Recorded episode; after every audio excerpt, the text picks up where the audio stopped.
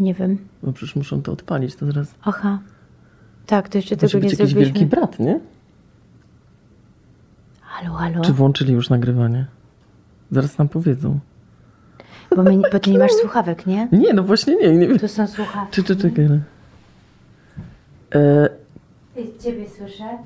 E, halo, halo. E, czy jest tam kto? możemy już? Bo my tak halo, halo, ale, Ale nie czy możemy my już, czy nie? A już, już możecie. Okej, dobra, żeby- że jakiś wielki brat nam Wiesz, powie, dobra, już Ja czas z programu start. Gosia z planu i czekamy na akcja. Okej. Akcja. O, super, o.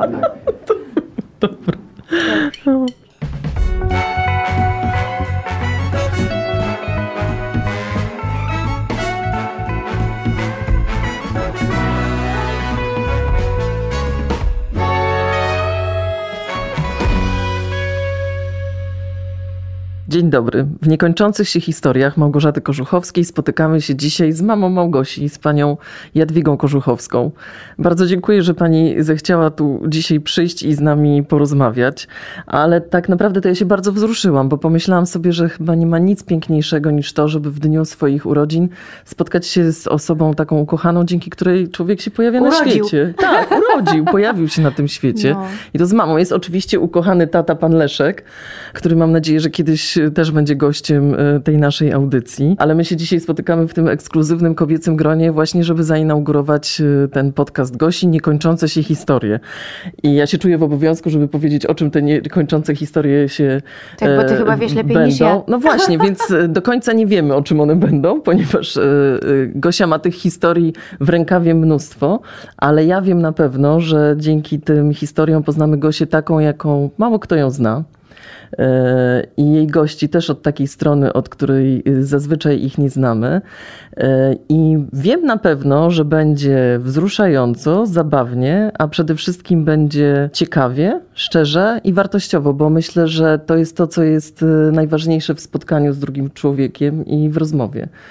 Ale na początek muszę jeszcze, bo, bo łzy się pojawiły, widziałam, ja się wzruszyłam, Ojej! ale widziałam, że tutaj więc ja daję wam trochę odetchnąć, e, bo ja się sama wzruszałam, jak, jak o tym sobie myślałam, ale e, zacznijmy od tego, Gosia, bo my mamy na co dzień e, kontakt ze sobą ostatnio bardzo często. Ja piszę do ciebie dużo wiadomości i złapałam się na tym, że nie wiem, jak ty nie lubisz, jak się do ciebie zwracać. Wiesz co, ja jestem jakoś y, y, tolerancyjna chyba, jeśli chodzi o to i nie tylko, zresztą o to. Nie mam takiego czegoś, że nie lubię jakiejś formy. No wiadomo, mam imię, które można odmieniać w, no, na wiele różnych sposobów i nie mam chyba takiego czego, no może Gocha, ale Gocha, no też mówili na mnie na No, studiach. zdarzało I są takie tak, osoby, tak. które tak, które do tej pory na mnie tak mówią. Coś też jest w tej, y, w tym powiedzeniu Gocha, y, co ja mam w charakterze. Więc, więc nie będę się jakoś szczególnie tutaj bronić. Gdzieś mi się podoba, jak y, ktoś mówi, a to rzadko, ale zdarzają się takie osoby, które mówią do mnie e, Małgonia. To jest takie, żeby Małgonia albo Małgoś. To jest tak, taka forma rzadsza, ale jakoś tak, taka z czułością, więc jakoś podoba mi się. Okej. Ale na co dzień, wiesz, nie, na, na co dzień no Małgosia, mama Tak, Małgosia w A domu. jak od pani, jak, jak Małgosia Małgosia. była mała, malusieńka, to jak pani na nią mówiła? No, ma, maleńka moja kochana córciu, Gosieńko, córeczko, no, to wszystkie możliwe odmiany do maleńkiego dziecka, jakie można. ym, Tata do mnie mówi stosować. Gośka. Nie Tak. tata, jako jedyny. Mhm. A tak to wszyscy do mnie mówią w domu Małgosia. Małgosiu, To mm, Gosia była tą pierwszą córką, pierwszą córką. wyczekaną. Oczywiście. E, Pamięta pani, jak się urodziła? No pewnie, że pamiętam. To było we Wrocławiu, w klinice.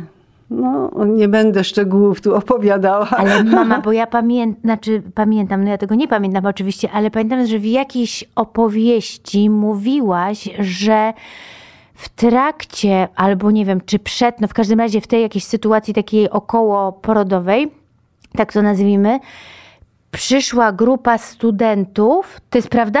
To ja prawda, dobrze? Oczywiście. Że grupa studentów, rozumiesz, przyszła No na tę salę i to byli moi pierwsi, jak się okazuje, po latach widzowie, rozumiesz? ja się urodziłam około godziny co Zdecydowanie. 19, nie? Y, Tak, ty się urodziłaś wieczorem, bo Hania i Majka urodziły się rano. 19 to była dokładnie No, no godzina na urodzin twoja, twoich. Natomiast ym, Hani i Majki siódma, szósta, siódma rano. Ale no, żeby one były jakimiś rannymi ptaszkami, to nie powiem, no, no bo ja, że jestem właśnie. sobą, no to, to ale raczej że ty się wiadomo. wieczorem urodziłaś, no to jakiś to ma w tej chwili No tak, no można tam sobie dopisywać jakieś te, ale czy z tymi studentami? A z tymi studentami, no to była historia rzeczywiście taka, która ja tylko zamknęłam oczy, jak się cała grupa pojawiła. No to już Pierwszy było po poród. akcji. Tak, to już było po akcji, Aha, uf. która musiała przebiegać bardzo gwałtownie, bo to była pora kolacji. I ja zostałam w sali porodowej sama z położną, która też tam sobie siedziała na krześle i, i Czekała. wykorzystywała tak wolną okazję, póki się nie rozpocznie akcja. No i jak się ocknęła, no to zorientowała się, że to trzeba już i to na gwałt.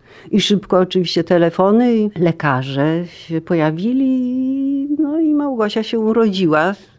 No, musiała dostać dużego klapsa, bo, bo y, już y, no, była sytuacja taka podbramkowa. A później, no to co zwykle kobieta przeżywa po porodzie. No dobra, to już nie To już opowiadajmy, no ale że właśnie potem to, tutaj grupa się pojawiła, która... Pojawiła się grupa, ja tylko zamknęłam oczy. No i mówię, no niech się dzieje wola Boża. Nie mam wpływu na to, żeby ich przepędzić. No ale to po prostu Muszę ktoś się się, mama na nas czegoś nauczył. Ale to jest też niesamowite, co powiedziałaś. Godzina 19 teatralna wybiła i ty przyszłaś No, na świat na scenie, widzowie. pierwsza widownia, tak. Coś w tym jest. A jakim była dzieckiem? Tym malutkim. Dawała się wyspać? No to różnie było. Na początku, jak takie niemowlę, każde chyba, dużo spała, ale ja też nie mogłam jej karmić. W związku z tym było to takie pod rygorem karmienie butelkowe. Natomiast przyszedł moment taki, to chyba było gdzieś już blisko roczku, jak Małgosia miała problemy z zasypianiem. No, nie bardzo chciała w łóżeczku spać. Więc musiała usypia, być usypiana na rękach. No oczywiście. Mm, Wszystkie kołysanki, wszystkie pioseneczki, jakie były możliwe, jakie mi przychodziły do głowy, no to, to oczywiście były śpiewane. No Małgosia pewnie słuchała, bo jednym okiem zaglądała, jedno przymykała. Ym, Już się wydawało, że zasnęła w końcu kładę najdelikatniej, jak to tylko możliwe, do łóżeczka. Próbuję po cichu odsunąć się od łóżeczka. Łe, tak, od nowa. Akcja. Koszmar! To było najgorsze i to trochę trwało. Już nie pamiętam Ale mama, czy jak ja miałam roczek, no to ty już pracowałaś chyba, nie? No ja pracowałem oczywiście, no ale to chodziło o wieczór, o, o usypianie. No tak, ja wiem, ale nie hardcore. No, pracowałam ja, ja też wieczorami. pracowałam odkąd Jasiu miał trzy miesiące i pamiętam taki moment, kiedy powiedziałam do Bartka, ja wie, Bartek, Boże, to dziecko chyba wie, że gdyby ono nie spało nocami, no to matka nie dałaby rady. Znaczy ja bym nie dała rady wytrzymać tych 10 czy 14 godzin na planie, jednak bez snu. Były takie momenty w moim życiu, kiedy pracowałam tak bardzo intensywnie, że spałam po miesiącami, po 4-5 godzin. I wiem, że człowiek no, jest niesamowitym no, organizmem, który jest w stanie się dostosować nawet do takich no, skrajnie, skrajnych czy ekstremalnych sytuacji i skądś tą energię czerpie. Oczywiście potem trzeba za to zapłacić e, cenę, ale to jest bardzo trudne.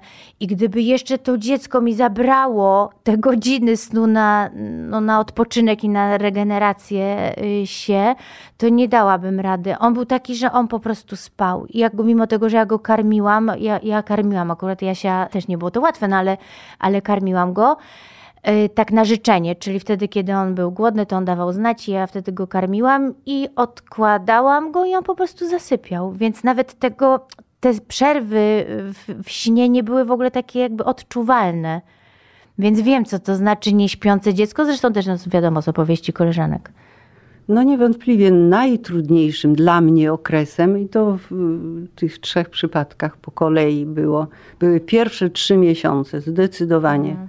Później już Niezłe jest łatwiej. też to, bo to, mm, no mimo tego, że mama trzy córki, moje siostry, y, jedna jedno dziecko, druga dwójkę dzieci, Majka dwójkę, Hanusia jedno, wtedy kiedy ja e, rodziłam, ale nikt jakby nie, kobiety nie mówią o tym pierwszym właśnie czasie, takim kiedy dziecko się pojawia, na świecie, że to jest czas jednak trudny, że to jest taki czas, który jednak jest pewnym rodzajem takiego szoku i że my przez to, że nie mówimy sobie tego, nie jesteśmy, ja nie byłam w ogóle na to przygotowana. Ja byłam w szoku, że to jest taki, no tak, gdzieś tam się słyszało, że ktoś mówi, a no to nie ma takiego czasu, żeby się sobą zająć. Ja mówię, no czasu, żeby się sobą zająć. No ja tak za bardzo się sobą nie zajmuję, nawet jak nie mam dzieci. A tu się okazało, Tu że się to okazało, chodzi... że kurczę, że to naprawdę nie ma czasu wziąć prysznica. No nie wiem, to jest coś takiego. I właściwie potem się zastanawiasz, dlaczego? No bo przecież to dziecko też śpi.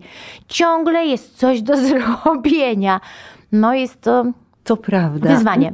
Ale jest też coś takiego w kobietach, w matkach, że te wszystkie najtrudniejsze chwile, my w tej chwili o tym mówimy, ale mm, o tym się nie rozmawiało, to po prostu traktowało się jak coś normalnego.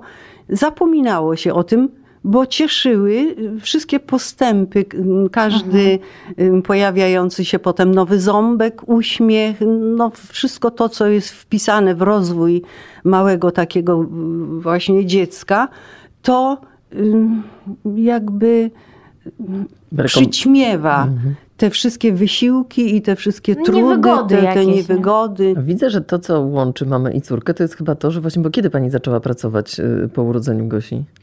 No, te, to był okres, kiedy urlop macierzyński wypadał trzy miesiące.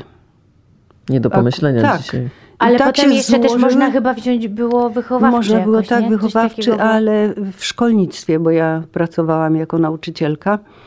e, W szkolnictwie mm, ten plus był, że jeśli komuś wypadały w tym czasie jakieś tam ferie zimowe na przykład, albo wakacje letnie, to ten czas y, był tam wliczany i w związku z tym y, czasami to wypadało trochę dłużej niż te trzy miesiące. No ze mną tak było, tak, no bo się urodziłam w kwietniu, no czyli kwietniu, miałeś trzy tak. miesiące, I maj, czerwiec, lipiec, no jeszcze sierpień, miesiące. wakacje. Tak, że szłam do pracy we wrześniu. I to też chyba nie pierwszego od razu, tylko parę dni jeszcze później. Y, To jest to, ale jeszcze wracając do tych trudności, w tej chwili wszystkie mamy Hmm. mają no bez porównania jednak lżej, łatwiej. Przede wszystkim pierwsza sprawa pieluchy. Przecież wtedy były pieluchy tetrowe I które e, trzeba było pralka prać. Frania. y, i pralka frania. No, ja Tak. pamiętam, myśmy mieli pralkę Frania. Tak, już przy Majce już był automat. To Mhm. już pamiętam, ale to już w końcówce, jak ona już Wyciskanie wys- soczków, wychodziła. ja też pamiętam przez gazę. Z marchewki, nie, nie sokowirówki, tam trata, tata, różne urządzenia, miksery i wiesz, Tak, cuda na wszystko kiju. trzeba było przygotowywać samemu. Jedzenie, te wszystkie zupki, nie zupki, kleiki Przecierane. i tak dalej, przecierane oczywiście. Jak pani Także- dawała radę? Musiałam. Każdy musiał. Nie było wyjścia. No, nie było słoiczku, A kto się zajmował bebiko. Gosią, jak pani poszła do pracy? W pierwszym okresie, ponieważ mąż na uczelni pracował, w związku z tym tak szczęśliwie mieliśmy zajęcia ym, Wymiennie? ro- wymiennie tak rozłożone, że jak mąż był na uczelni, to ja y, byłam w domu wtedy i, i mogłam się opiekować i odwrotnie.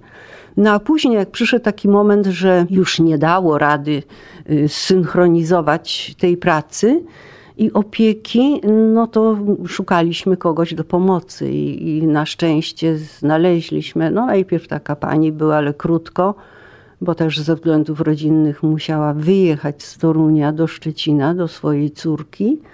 E, Została wezwana do pomocy, ale później Babcia Klara. babcia, tak, trafiliśmy szczęśliwie na taką wdowę, starszą panią, którą nazywaliśmy babcią Klarą i ona rzeczywiście była przez nas traktowana jak domownik, jak Tak, nawet jak już była w takim wieku, że nie mogła. Tak, no wiadomo, jak że już- już nie pracowała, no Mhm. była już starszą osobą. Tak, i ona przychodziła i do Hani, i, i do Majki. Był okres taki, gdzie no, musiała być przerwa, bo też z kolei ona miała problemy z chorym synem. Ale w sumie możemy powiedzieć, że wszystkie trzy były wychowywane oprócz mnie. No ale oprócz jeszcze właśnie chciałam to dokończyć, że Mhm. nawet jak już nie pracowała u nas, to wszystkie wigilie spędzaliśmy razem. Tak, bo ona była osobą święta. samotną. Więc no, odwiedzaliśmy ją, ale właśnie Wigilia była taka, że no ponieważ cała nasza rodzina była tak roz, jest rozparcelowana po, po Polsce, więc te Wigilie zazwyczaj ym, spędzaliśmy we własnym gronie, ale zawsze była babcia Klara. Bardzo to wzruszające i piękne. Ja naprawdę się wsłuchuję w to i, i, i jakaś taka tęsknota się we mnie pojawia, ale muszę och, trochę ochłonąć i, i, i może przejdźmy do tego już okresu, kiedy Gosia zaczyna szaleć. I ona mi opowiedziała parę historii, które są z dzisiejszej perspektywy mrożące krew w żyłach. O. Jedna z nich, to znaczy No. dzisiaj zupełnie inaczej No. wychowujemy dzieci. Ja jestem z tego pokolenia Gosi, gdzie, gdzie się biegało po podwórku i jak się nawet coś dzieciakowi stało, to ukrywał przed rodzicami, żeby się nie dowiedzieli. E, Że nic, No. nic się tutaj, nie, a- a nie biegł do mamusi, że mamo, mamo, mam tutaj jakąś rankę do opatrzenia. Ale Gosia mi opowiadała, że w, w- nie wiem ile miała lat, ale uratowała jej pani życie. Któregoś dnia e, w, Na Wojska Polskiego. A tak, rzeczywiście, ojej. Ile ty miałaś wtedy? No parę. No na pewno miamy mniej niż sześć, bo jak miałam sześć, to się przeprowadzaliśmy mniej, już na oj, ty byłaś mniej, że może z cztery latka. No coś co, i takiego. to było mieszkanie, w którym była to taka... było mieszkanie, w którym była ciemna kuchnia tak zwana, czyli miała tylko okno Na pokój. na pokój. Natomiast ten pokój miał lodże. I drzwi do tej lodży były w bocznej ścianie. Czyli nie były tam, gdzie okno główne w pokoju. I ja byłam w kuchni zajęta jakimś przygotowywaniem posiłku. No i Małgosia się bawiła. Potrafiła się sama zabawiać. Ja ciągle tam zerkałam, kontrolowałam, ale no był moment taki, gdzie no zniknęła mi z oczu. Drzwi zobaczyłam do tej lodży otwarte i tylko w tym takim kątowym tam y, ujęciu krzesło i Małgosię wychyloną prawie no, w pół za ten, tę balustradę te, te, tego balkonu. Więc jak ja z tej kuchni wyskoczyłam, y, w jakim tempie, nie jestem dzisiaj, z jaką prędkością nie jestem w stanie określić, tylko dobiegłam, na szczęście nie krzyknęłam, tylko po cichu, że złapałam ją za oczywiście pupę, tam co się dało. I oczywiście sprowadziłam do pionu i, i do, do, na podłogę. No i, i pytam, co tam się działo, dlaczego tak się wychyliłaś? Bo piłeczka, miała piłeczkę i ona rzuciła tę piłeczkę i chciała patrzeć, jak ta piłka spada na dół. To było czwarte piętro. Fizyk No. się w goście obudził. Nie drama. Oj. Eksperymenty. długo Ja tego nie, mogłam- pamiętam, ja tego nie Długo pamiętam. nie mogłam ochłonąć, ale już od tego momentu drzwi były zamykane, solidnie, nieotwierane. No i, i chyba mm, Małgosia też zapamiętała to jako dziecko na tyle, na ile była w stanie, że już więcej się nie powtórzyła takich, taka sytuacja. Ale też pamiętam, że jeszcze w tamtym właśnie mieszkaniu e, dawałam swoje pierwsze występy. Pa, pamiętasz? To moim zdaniem to było tam, bo ja byłam terrorystką e, i uczyłam się płyt na pamięć. To były czasy płyt analogowych, wszystkie te bajki, czerwone kapturki, stoliczku nakryj się i tak dalej, i tak dalej. Ja to w kółko, wiadomo, Tak. miałam swoje ulubione i że w kółko to samo też potem już na Jasiu też to sprawdziłam, że dzieci po prostu lubią przez jakiś czas w kółko słuchać tej samej bajki, albo mieć czytaną, albo właśnie słuchać na, na płycie. I e, tak y, to wałkowałam, że już umiałam wszystko na pamięć. Wszystko na I pamięć, potem tak. kazałam siadać na tapczanie wszystkim i że teraz występ ja będę już Tak. osobiście swoją wersję przedstawiać. W tamtym Nie, nie mieszkaniu wiem. to znaczy, że nie miałaś jeszcze mieszkaniu. 6 lat. No nie miałam jeszcze Tak. 6 lat. Bardzo dobrze to pamiętam. I jeszcze ze, z takich śmiesznych, bo mama nam szyła, nie, to jeszcze pewnie ten wątek będziemy, ale mama nam szyła i pamiętam tam coś takiego, że w pewnym momencie robili dach i nie wiem, czy ty to pamiętasz, ty nam uszyłaś mi taki piękny płaszczyk w taki żucik turkusowo-biały. Taki jasny był ten płaszczyk, taki mm, rozmydlony ten turkus, taki pastelowy. I robili dach, w sensie jakaś papa i takie stały wielkie beczki ze smołą. I ja tam poszłam oczywiście się bawić i przyszłam w całym wysmarowanym smołą, tym nowym płaszczyku uszytym przez mamę. Pamiętasz to? To musiało być mega coś, bo ja to zapamiętałam, właśnie nie miałam jeszcze wtedy 6 lat, to jeszcze pamiętam właśnie z tego podwórka i że babcia wtedy kazała to, uwaga, drogie mamy, masłem. Masłem, tak. że te smołę masłem, tak? Gdyby komuś się zdarzyło. Na to taka mała rada na marginesie. Oczywiście masłem. I jeszcze pamiętam coś takiego, taka była anegdota rodzinna, że ja opowiadałam, ktoś mnie zapytał, co robi mój tata. Ja mówiłam, że mój tata z wielką dumą jest doktorem. I że mówią, no ale doktorem od czego? I nie wiem, no jest doktorem.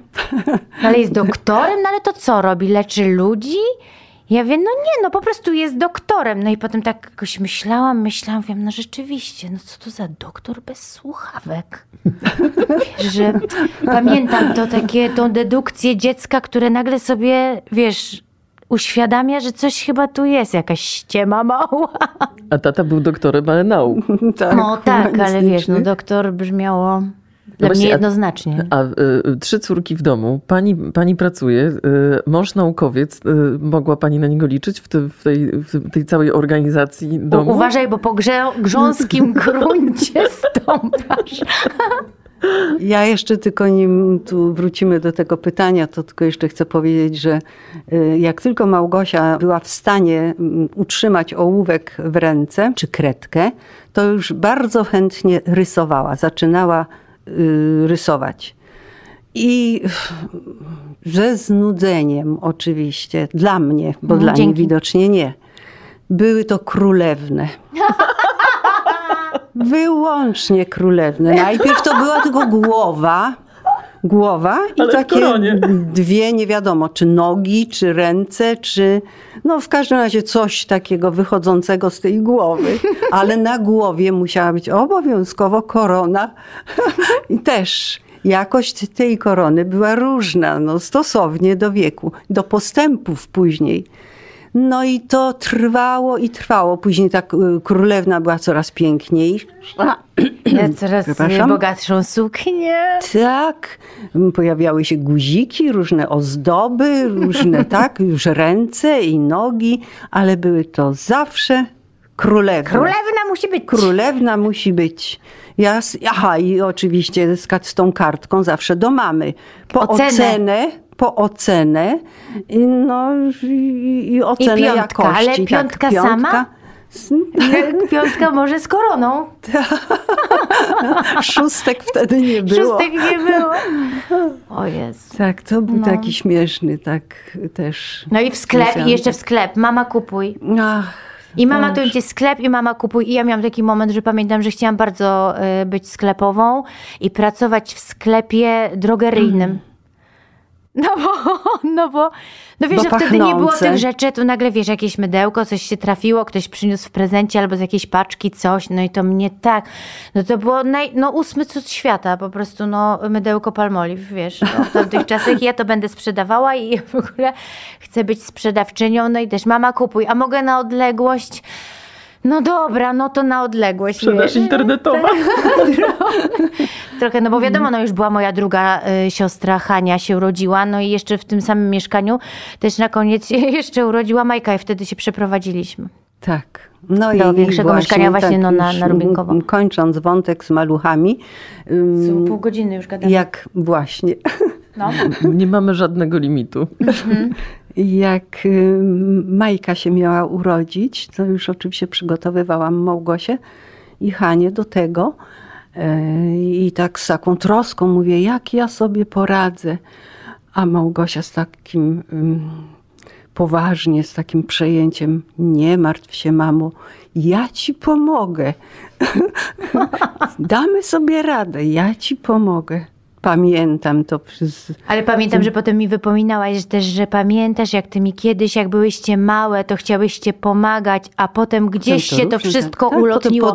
Ja pamiętam, Mhm. że ty właśnie mi to wypominałaś mi to. Być Pamiętam. może, ale ja już tego nie Pamiętam, pamiętam. ale o pomocy to chciałam powiedzieć, że na Rubinkowie rzeczywiście było tak, no właśnie a propos tych innych czasów, bo Rubinkowo, dzisiaj to jest nie do pomyślenia. dzielnica Torunia. Torunia. No tak, takie, taki jakby Taka toruński sypialnia. Ursynów.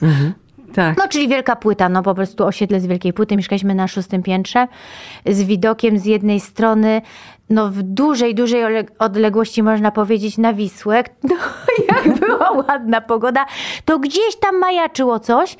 E, Natomiast generalnie no bloki, bloki, bloki, a z drugiej strony był malowniczy widok na zaplecze takiego samu, super samu spożywczego, nie? Podjeżdżając, tak, jak się nazywa, takie Samochody te samochody. dostawcze. No po prostu taki społek. No i zresztą to było super też dlatego, że wtedy, kiedy nic nie było i były kartki, no to my y, y, biegając po podwórku, jako pierwsze zajmowałyśmy zawsze kolejkę i przychodziliśmy, mama, mama, masło rzucili, albo tam banany, Albo coś kawę. takiego, mama to szybciutko, zajmuj kolejkę, mama. Już jest dawno zajęta. Nie no, pomagały. To były To, takie, to w no to tamtych były takie rzeczy, ale słuchaj, bo to chciałam jeszcze powiedzieć, mm, że a propos tego już byłyśmy, ja nie wiem ile ja mogłam mieć wtedy lat, byłyśmy już trzy i na pewno Majka była w wózku spacerowym. I ja pamiętam, jak ja odkryłam na Rubinkowie, to zabrzmi teraz hardkorowo, ale taki stary, opuszczony, zaniedbany cmentarz. Pamiętasz to?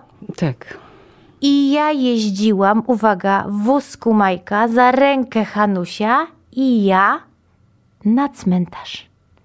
Ustawianie krzyży na zaniedbanych grobach z kamieni. Wiesz, wyrywanie trawy. No coś wspaniałego. Ja to pamiętam. I ja kiedyś powiedziałam, gdzie byłyście? Mama mówi, a gdzie ty byłaś? No wiesz, dzisiaj to nie do pomyślenia. Trójka takich małych dzieci włóczących się na same po osiedlu. A ja mówię, no na, tu na cmentarzu. No i mama mi zabroniła. Ona powiedziała, że nie mam tam jeździć na ten No, cmentarz. Opuszczony cmentarz br- brzmi groźnie, ale rozumiem, że ty byłaś takim kustoszem jakiegoś wyznaniowego cmentarza, który był Nie, no po zapomniany. prostu to Nie, wiem, no taki stary po prostu cmentarz, no jakiś pewnie wiejski, taki zaniedbany. No były tam jakieś takie groby, ale to wszystko było takie już, Tak, wiesz, no na terenie tego osiedla, tak, mm, było jakieś tam parę domków starych, jakieś gospodarstwa. Y, To potem tam poznikało. No mnie się to wydawało, wiesz, no to I- było na pewno jakieś niezwykłe, malownicze miejsce, kompletnie inne niż to wszystko brzydactwo, co było dookoła. No bo po prostu, no też, przepraszam bardzo, no nie, nie czarujmy się, no nie było to piękne osiedle. No po prostu to było osiedle zbudowane na takiej Tak, pustyni piaski. piaszczystej. Ja się śmiałam, że nawet ostatnio jakoś, ostatnio, no to już było jakiś czas temu, jeszcze przed waszą wyprowadzką, no czyli pewnie z jakieś 7 lat temu, jak tam byłam, jeszcze rodzice tam mieszkali i zobaczyłam nagle te drzewa, które ja pamiętam jako dziecko, jak były tam sadzone i jak mój tata y, zjeżdżał z tego szóstego piętra z wiadrami wody i w te największe takie upały podlewał te drzewka, bo przecież nikt tym się nie zajmował. Nie było takiego czegoś jak zieleń miejska, że ktoś, wiesz, o to dba. No po prostu jak sama o to nie zadbałaś, w sensie mieszkańcy, no to tego by nie było. I ja zobaczyłam te wielkie drzewa, no naprawdę już takie duże drzewa i sobie myślę, nawet drzewa nie wiecie, komu życie zawdzięczać. Tacie. Tacie mojemu. Ale tu wyszedł inny wątek, czyli zamiłowanie do estetyki. E, Bo te poszukiwania, e, e, te, te wyprawy na, na cmentarz, z tego co mówi Gosia, wynikały z tego, że dookoła otaczało ją coś takiego szarego, burego, jednolitego i szukała czegoś, jakiegoś piękna, jakiegoś, cze- czegoś innego. I rozumiem, że to jest to, co pani łączy bardzo, bo jak pytałam wcześniej Gosię o jakieś wspólne zainteresowania, to na pierwszym miejscu powiedziała moda. Ja znam Gosię od lat, ale, ale, ale i wiem, że moda to jest jej absolutny konik i że to pani, tak naprawdę, powiedzmy sobie to dzisiaj tutaj, to pani stworzyła ikonę stylu. Ojej. I to się zaczęło Brzmi już... to bardzo mocno i, i aż tak się nie poczuwam. No, Ale robiłam to pani szyła te pierwsze y, ubrania No. dziewczynkom. To Co pani dbała o mogłam. to, żeby wyglądały nie tylko schludnie, ale też modnie, bo, No bo tak. to były najnowsze wzory, najnowsze wykroje. Tak. Było takie czasopismo, ono krótko wychodziło. To było na przełomie chyba 60. i chyba na początku 70. lat zniknęło później Ty i ja. Mam były- kolekcję. No właśnie, tam były przedruki z ym, prasy Zachodniej. Za, zachodniej. Tak, i tam były też między innymi różne ciekawostki, właśnie takie modowe. No, było to bardzo ciekawe pismo, bo, bo i, i kulturalne artykuły różne. No zresztą, jeśli pani zna, to jest pani zorientowana. I no, trochę podglądałam z takich czasopisów. A po, poza tym wychodziły też jakieś tam Ale mama, że to by się to i- chciało, bo ja pamiętam, to nie było takie szycie, wiecie, ja potem też sobie coś szyłam już jako nastolatka, no bo była maszyna w domu i jakby ja czasami też tam przeszywałam takie prostsze... Y, no, ściegi, czy no, na, na linii prostej, nie? rzeczy, które nie były takie skomplikowane. Ale y, to były płaszczyki z wełny na watolinie z futrzanym y, kołnierzykiem i z wyszywanymi mankiecikami. No wiesz, to, że to nie Albo były takie proste rzeczy, że tam się zszywało, wiesz, przód i tył spódnicy i dobra, mm, mm, gumka i już, i go. Tylko to były takie naprawdę, no, wydziergane. Myśmy się potem też rozbestwiły i ja potem gdzieś widziałam, na przykład w jakiejś burdzie, która gdzieś tam dotarła, pożyczona, czy wiesz, czy w paczce e, włożona, że getry i te getry nie takie, wiesz, że w paski. Tylko te getry we wzorki, takie, siakie, i owakie, kolorowe. I ja wiem, mama, ja bardzo proszę, że te getry, nie? I mama, no ale wiesz, no ja teraz nie mam czasu i coś tam, ja wiem, nie, mama, must have, no po prostu ja to muszę mieć. Jak mama mi to w końcu zrobiła, to ja po prostu, to ja byłam dumna i blada i chodziłam to do starcia. Mama też mi, pamiętam, taki zrobiła, jak wtedy już byłam chyba w podstawówce, taki serdak kolo- kolorowy na szydełku, z takich zawiązywany na takie dwa pompony i spódniczkę. I to było w takie, też to było takie kolorowe. I to- to było, no jak ja w tym wychodziłam, no to ja byłam tą księżniczką z tych swoich rysunków, no po prostu, no to było wow, a poza tym wiesz, nikt takie, nie było szansy, żeby ktoś miał takie coś samo albo podobne. No niemożliwe. Więc ja na przykład patrząc teraz, no ja też pracuję zawodowo, wiadomo, mam o wiele dużo e, więcej ułatwień niż mama, no bo są inne czasy i tak dalej, ale jak sobie myślę o tym, że jeszcze teraz, no czasami mi się zdarza, że muszę zrobić tam raz w roku, czy dwa razy w roku tam Jasiowi jakiś kostium z jakiejś okazji do przedszkola. No ale wiesz, teraz są o wiele większe możliwości. No idę i połowę rzeczy kupuję, tu przyszyję tamtego, no ale wiesz, to jest łatwo. Ale coś od początku do końca, jeszcze nie wiem, no północy albo południa, nie wiem na czym to, może się mniej pracowało, ja nie wiem. Wiesz o co chodzi, że może się szybciej wracało z pracy, no bo, no bo No, kiedy? mama nauczycielka w, w, w technikum, tak to przecież Tak. mnóstwo Tak. prac do sprawdzania. Oczywiście. Mnóstwo przygotowań przed Przerwy lekcjami. Jak wykorzystywałam, jak nie miałam teraz na dyżurów. No trochę to- prowokuje, wiesz, że my mama to powiedziała, no jak to było, no bo ja się nad tym Tak. wtedy nie zastanawiałam, tak? No było, oczywiście było ciężko i każda minuta była wykorzystywana. To, to jest fakt. Nie było siedzenia, no tak, z pustymi, Bezczynnie. bezczynnie, z pustymi rękami. Tak, Tak jak się oglądało film, to pamiętam film albo serial, no były tam saga rodu Forsythów i tratatata, Tak, jeszcze inne, tak. to zawsze się robiło coś, albo właśnie na, Na drutach, drutach. albo u nas jeszcze, bo my mieliśmy działkę, jeszcze ten wątek nie był, bo drugi też takie coś, co myślałam o tym, co nas łączy, to są kwiatki. Kwiatki, roślinki, wyrywanie chwastów, No. to tak. I po prostu sprawdzanie, no to wiadomo, no Bartek się zawsze śmieje, bo mama mówi, ja już muszę, na przykład po jakimś dłuższym pobycie u nas w domu, mama mówi, ja już muszę pojechać do domu, no bo kwiatki, żeby się kwiatki nie zmarnowały. No ale to, to, to, to wiadomo, mieliśmy działkę, więc jeszcze też oprócz tego szycia i ogarniania dzieci, wiadomo, pracy swojej i tak dalej, jeszcze była cały taki okres ten jesienny, letnio-jesienny, robienia przetworów i ogarniania działki. Czyli galaretki z czerwonej porzeczki, musy z jabłek, kompoty ze śliwek, z malin, wszystko, co sobie tam głowa nie pomyśli. I my trzy siedziałyśmy i obierałyśmy te jabłka. Ja to Czy agrest, pamiętam. Agrest, jabłka. No przecież to trzeba było Jeszcze trzeba było Zrobić zerwać. coś. z tym- Obro- no tak, no pojechać, No, jakby tak. to wiadomo, ale to tata Przywieźć bardziej. bez samochodu. Bez samochodu. Tramwajem. Tramwajem. Tramwajem. Tak, to były hardkory, bo my Ile- nigdy nie jed- mieliśmy jeden samochodu. tramwaj czy przesiadki? Na szczęście jeden tramwaj. Tylko z długą Tylko, drogą mm, dojścia. Właśnie. Długa droga była daleko dosyć było do tego przystanku i z działki do przystanku I z też działki, było no. daleko. I obładowani.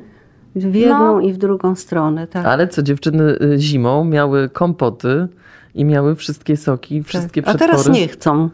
Nie chcą? Nie chcą, tak. Teraz też zdarza się, że mm, no, Niedobre. gdzieś tam owoce jakieś dostajemy i coś trzeba z tym zrobić, więc do słoika. No ale potem problem, komu to dać? Małgosia, jak tam oczywiście daje parę słoików, ale Jasiu nie, nie lubi, nieprzyzwyczajony, dzieci nieprzyzwyczajeni, nieprzyzwyczajone do, tak. do kompotów.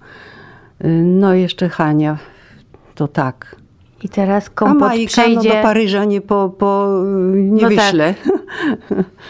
No dobrze, nie ale będzie brała. ja jeszcze Ale- chciałabym trochę to dorastanie y, Mhm. Gosi poruszyć. Bo Gosia tak mówi, że ona się nie buntowała. Że jak tak się pytałam się jej czasami, no ja się w ogóle nie buntowałam. Ja sobie tak myślę, że to tak wygląda zawsze z perspektywy dziecka, a z perspektywy rodzica wygląda trochę inaczej. No były takie momenty, kiedy Małgosia chciała postawić na swoim. To, to każde dziecko ma chyba taki okres, że no już wydaje mu się, że może o czymś zadecydować, może coś samodzielnie postanowić, zrobić. No i Małgosia lubiła takie różne ekstrawagancje. To dotyczy właśnie strojów. Przypominam sobie sytuację taką, jak kończyła szkołę podstawową i dostała się oczywiście do ogólniaka. Oczywiście. Listy tak tam zostały wywieszone. Wie- Ja w tym czasie byłam w szkole, pracowałam, a ponieważ to liceum, do którego Małgosia się wybierała, było nie tak daleko do mojej szkoły, gdzie pracowałam, więc Małgosia przybiegła oczywiście do mnie z tą informacją. A nie omieszkała sama w domu odpowiednio się Wystroić. wystroić. Ja już dokładnie tych szczegółów nie pamiętam, Ja pamiętam. tego stroju, no to ty dopowiesz. W każdym razie jak zobaczyłam, a na szczęście to była przerwa, a Nie ja była przy to przerwa, bo ty normalnie siedziałaś w klasie. Ja pamiętam, że musiałam zapukać do klasy i wejść do ciebie i ci powiedzieć, czy dostałam się. Aha, no tak, to jeszcze nie była gorzej. przerwa. Jeszcze No, gorzej. To jeszcze gorzej, bo oczywiście byli uczniowie w klasie, a żeby dostać się, żeby wejść do mojego tak zwanego zaplecza, no to trzeba było przejść przez tę klasę. Co prawda nie tam daleko gdzieś, tylko bliziuteńko, ale szybko. Więc jak ja zobaczyłam od tej tablicy tę Małgosię z jej wystroju, no to natychmiast do zaplecza i, i oczywiście już ją tam przytrzymałam, żeby y, nie pokazała się dopiero w, Co ona miała takiego na sobie? Oj, to nie było jakieś właśnie hardkorowe, tylko ono było wymyślone. I śmieszne były te elementy, które, bo ja to pamiętam bardzo, bo byłam dumna z, tej, z tego e, stylizacji. outfitu swojego. No bo też się już czułam taka dorosła, nie skończyłam podstawówkę, miałam te 16 lat, no więc raczej. I Mogłam. miałam taką białą, to była taka biała koszula, chyba po jakiejś babci, moim zdaniem, taka dłuższa. Y, Tak powiedzmy no przed kolano, coś takiego, biała, taka płócienna.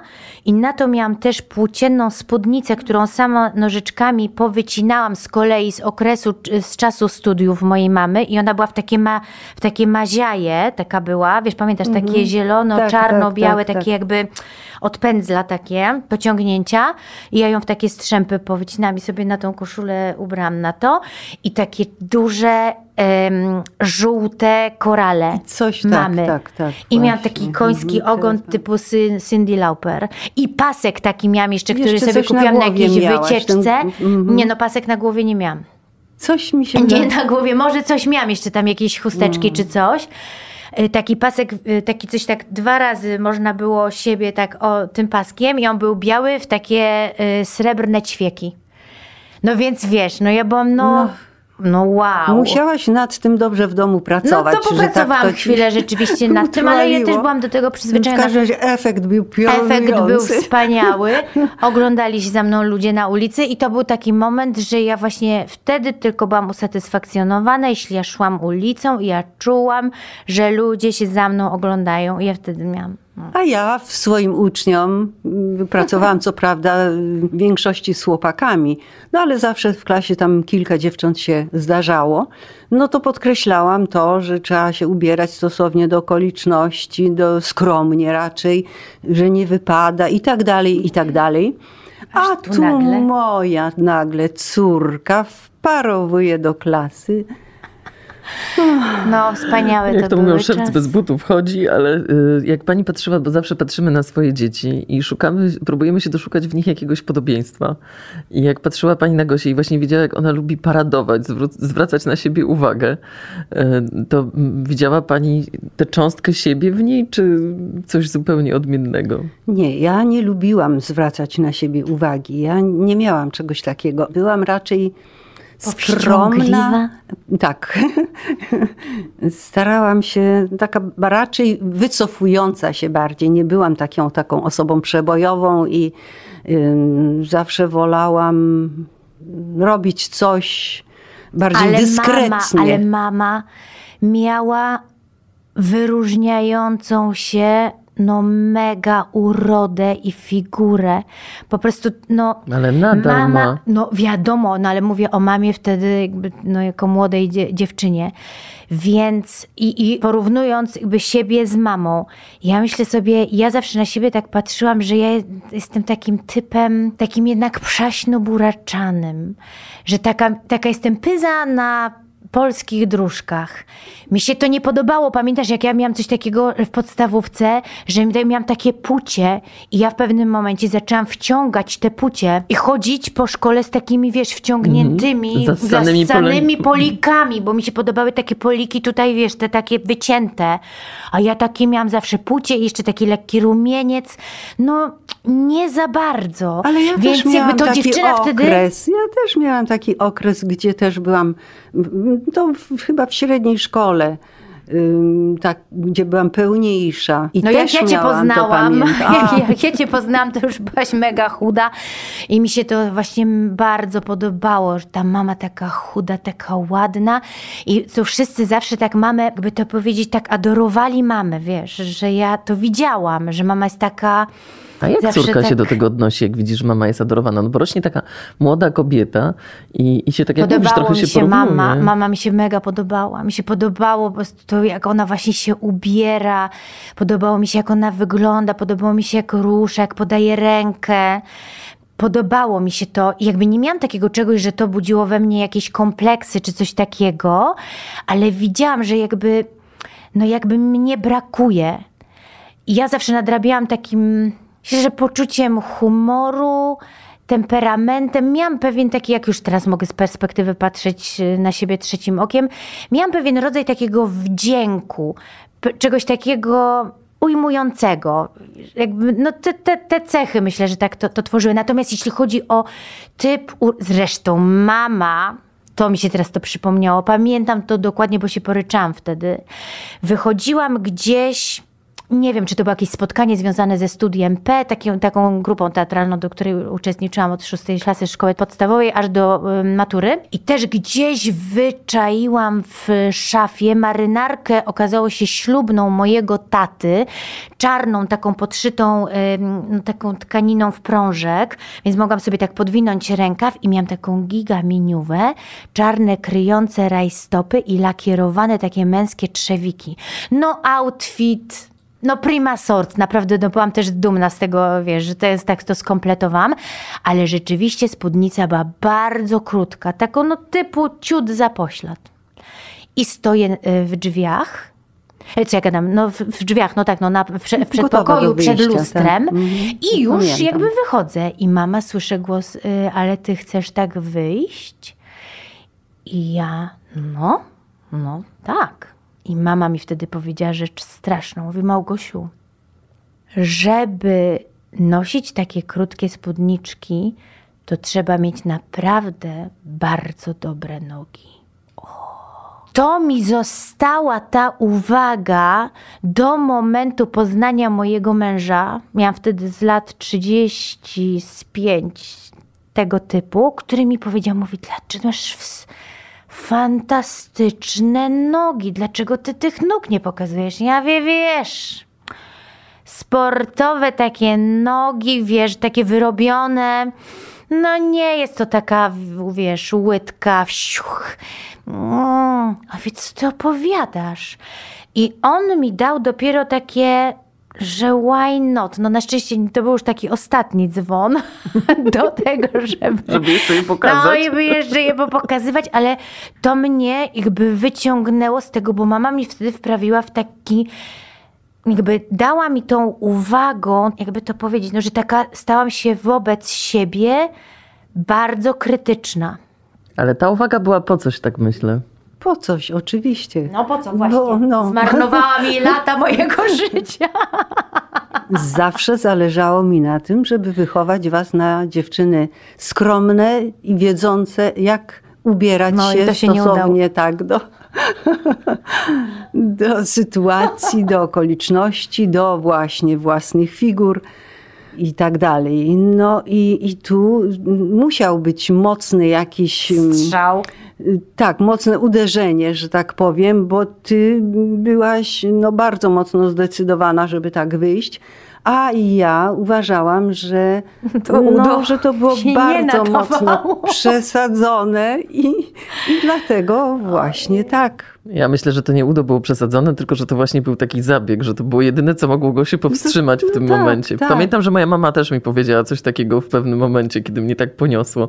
I myślę, że i to nie dotyczyło mm, tego... Sensu jak... stricte. Tak, tak. Mm. Tak. To, to, raczej było to. Właśnie powiedziała Pani o tych wartościach, i to jest y, coś takiego, co, co, też ja podziwiam w rodzicach z tamtych czasów, że pomimo tego, co właśnie Gosia tutaj podkreśla, że i no, trzy córki, y, praca y, i jeszcze Pani szyła te rzeczy, jeszcze no, działka. Naukowiec, jeszcze mąż naukowiec, w swoim cały świecie. czas on tam siedzi w tej jaskini, nie otwieramy drzwi, nie otwieramy tego tematu. Kiedyś przyjdzie, to, to zapytamy. Ja tylko znam inne, ale to może tam przy okazji anegdotę, ale w tym wszystkim jeszcze y, ci rodzice potrafili przekazać wartości. I mnie się wydaje, że przekazywali te wartości w sposób taki jakiś jakby niepostrzeżenie, prawda? Że tego się nie czuło, tak. a jednak nie te było, dzieciaki nie miały hamulce. się wprost, mhm. a raczej zachowaniem swoim przykładem, postępowaniem. Nie wiem na ile tam to rzeczywiście wtedy było zauważane, ale sądząc dzisiaj po miejscu, po decyzjach, po wyborach córek, to wydaje mi się jednak, że jakiś efekt został osiągnięty. Bardzo oczywiście stawiałam zawsze duży akcent na, jeśli o tych wartościach mówimy, na rodzinę, żeby rodzina była takim azylem, taką bazą, do której zawsze można wracać i w której przede wszystkim można zawsze y, mieć oparcie, pomoc, radę i to taką właśnie szczerą radę. Mm, no i żeby to wynikało z zaufania wzajemnego i to zaufanie ja w kierunku Małgosi zawsze się nim kierowałam, chociaż już później była samodzielna i dokonywała tych wyborów, z którymi nie zawsze się w pełni zgadzałam, ale zawsze miałam w głowie gdzieś tam y, tę myśl i, i to, że musiała z domu wynieść jednak to coś, co pozwoli jej na jakąś refleksję w odpowiednim momencie, na zatrzymanie się, y, na pomyślenie i zadecydowanie właściwe, y, co można dalej, czy należy się wycofać, czy, czy, czy coś budować w tym kierunku, w którym się idzie. No to, to było zawsze oparte o, o to zaufanie, o tę taką podstawową jakby wartość, którą trzeba mieć w relacjach wzajemnych. No i, i tak, tak jest do dzisiaj, że nie mogę powiedzieć, żeby coś Małgosia takiego zrobiła, czy Hania, czy Majka, czego mogłabym się wstydzić, za co no, mogłabym się obrażać, czy mieć jakieś tam żale, pretensje.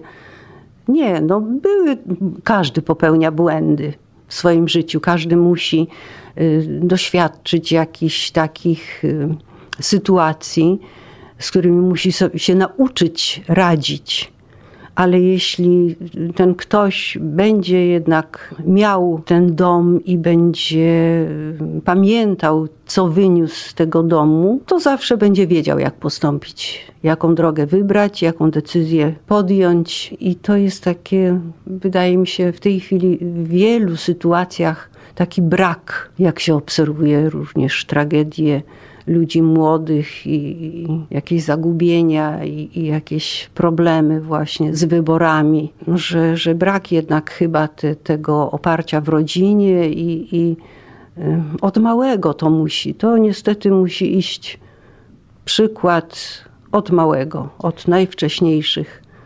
Mi się wydaje, chwili. wiesz, co jeszcze, e, patrząc tak wstecz, że ja dosyć szybko, gdybym miała siebie definiować, to mówiłam o sobie, czy myślałam o sobie, że jestem odważna. I chodziło mi o to, że mam odwagę być sobą i mówić otwarcie o tym, jakie mam zdanie, jakie mam przekonania, czy jakich e, podejmuję wyborów, jakby się ich nie wstydzić. I wydaje mi się, że to jest absolutnie to, jest to co, co wyniosłam z domu. I tak jak mama mówi, to nie było, to nigdy nie było tak, że mama nas brała i udzielała nam jakichś lekcji, tylko to się po prostu działo no, w życiu. Były różnego rodzaju sytuacje, z którymi trzeba było sobie e, poradzić, w których trzeba mhm. było dokonywać jakichś wyborów i dokonywaliśmy tych wyborów razem. I jak jakby moi rodzice też nigdy mi nie dostarczali takiego materiału do tego, żebym ja nie miała do nich zaufania, żebym ja im się bała o czymś powiedzieć, bo zostanę, nie wiem, skreślona, e, ukarana czy tak dalej. Były kary, oczywiście my nie należałyśmy do najgrzeczniejszych e, dziewczynek na świecie. Bywałyśmy i pyskate, i krnąbrne i tak dalej. To były też czasy, to były lata 70., 80., bardzo trudne czasy, kiedy też trzeba było uważać, co się mówi, gdzie się mówi, komu się mówi. Do kościoła się chodziło też tak, wiesz, że niektórzy trochę stali za filarem, w szkole się o tym nie mówiło, były pochody pierwszomajowe i tak dalej. Moi rodzice pracowali, mama w szkole, tata na uczelni, jakby pewne rzeczy trzeba było robić, albo było się wykluczonym, tak? Potem była solidarność. Też dom był pełen ulotek. Rodzice działali w tej solidarności bardzo e, prężnie, więc też się cały czas mówiło, ja wie, to co mówimy w domu nie wynoście tego e, na zewnątrz. I myśmy to wiedziały. A z drugiej strony, ja przecież mam też takie doświadczenie, że ja byłam przez miesiąc, nie wiem, który to był rok, ale to było krótko po stanie wojennym czyli 80 któryś, ja byłam przez miesiąc na Białorusi na obozie pionierskim Leśna Skaska, gdzie codziennie rano był apel, na którym tak zwana warzata, czyli taka ich jakby drużynowa czy zastępowa, nie wiem, bo ja nie byłam w harcerstwie, ale która wychodziła, flaga na maszt, ta czerwona z sierpem i młotem, ten tutaj ta ręka nad pionierska, czołem, tak. pionierska i okrzyk Sawietam Lenina wierny, a wszystkie pioniery odpowiadały w da wierny. Wiesz, ja przyjeżdżałam, przyjechałam do domu, ja to wszystko opowiadałam, to była jak abstrakcja. Tam nie było innych piosenek, jak piosenki o Leninie Rybionku. To, no, to nie było a największe wyróżnienie jakby od tych dzieci, z którymi przecież się zaprzyjaźniliśmy i potem przez lata korespondowaliśmy, wiesz, wymienialiśmy listy i tak dalej, to był taki, taka gwiazda e, ta radziecka, mhm. tak z Leninem e, małym w środku i jak oni ci to dali albo swój ga gaustuk, czyli ty, tą chustę. chustę pionierską, no to to było największa oznaka przyjaźni wszystkiego. I jak ja im opowiadałam o stanie wojennym, to oni mi opowiadali o wagonach masła, które do nas y, jechały z, ze Związku Radzieckiego i zostały przez Polaków ostrzelane na granicy. Wiecie o co chodzi? No to były tego typu różne jak rzeczy. Y, tu nasze dzieci polskie, które tam na tym obozie były, wspominały coś o Katyniu, tam, tym dziewczynom. To nie, nie ma Katynia, jest Chatyń. My to, nawet to byliśmy w, ogóle... w tym Chatyniu. Czyli w takim pomniku, który był zbudowany, pomniku wioski wymordowanej przez hitlerowców, No który, tak, to- do, do którego były przywożone wycieczki. Wiesz, i pokazywane jakby takie miejsce trochę jakby zamiast, tak? Być takie właśnie zamydlanie e, historii. I kiedyś sobie też myślałam, ja Boże, że ci moi rodzice mieli taką odwagę, że mi na to wszystko pozwalali, bo ja naprawdę robiłam rzeczy od sasa do lasa. No po prostu chodziłam na wszystkie możliwe kółka zainteresowań, chóry, nie chóry. Bardzo szybko zaczęłam wyjeżdżać też z, z, z przedstawieniami, z występami i tak dalej.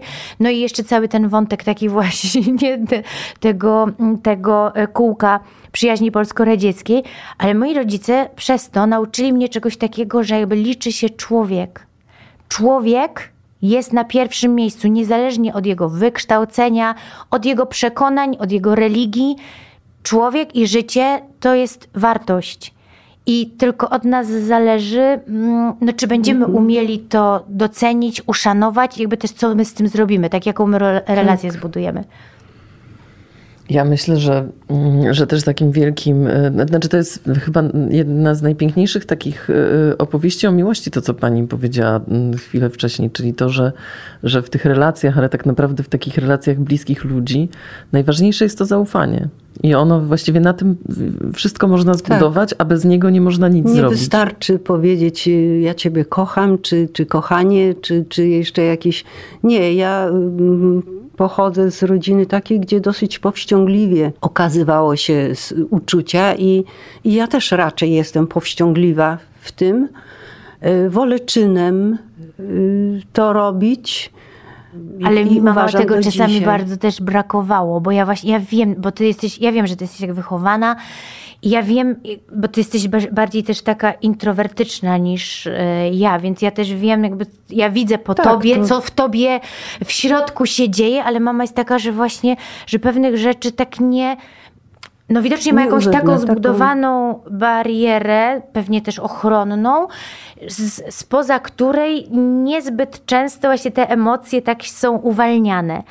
Ale ja też uważam, że to jest bardzo ważne, żeby, e, żeby te emocje też pokazywać i wiadomo, że to nie jest najważniejsze i nimi, jeżeli za nimi nie stoi to, o czym ty mówisz, to oczywiście no one są nam pustawe, ale jeżeli jest jedno z drugim, to te gesty też nam są bardzo potrzebne.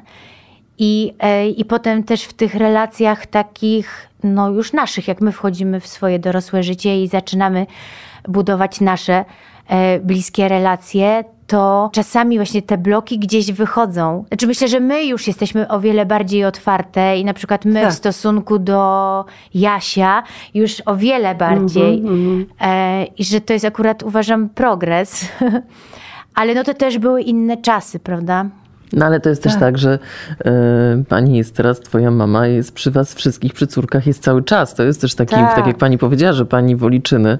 I, I nawet jak z Gosią się tutaj konsultowałam przed, że pani jest taką e, babcią wędrującą, która, która wszędzie po świecie jeździ i wspiera swoje córki. Ale ty chyba też I mama taką takie realizujesz Prawie swoje położną, ponieważ wszystkie tak. Tak, wszystkie wnuki ym, no, rodzące się miały To przy sobie mama od razu była, tak. babcie. Ile tych wnuków jest?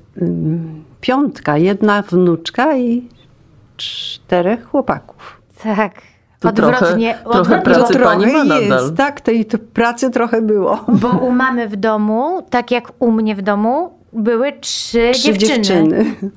I Tak, mama ja jest mam- najmłodsza, tak. a ja w naszej konfiguracji jestem najstarsza. No właśnie.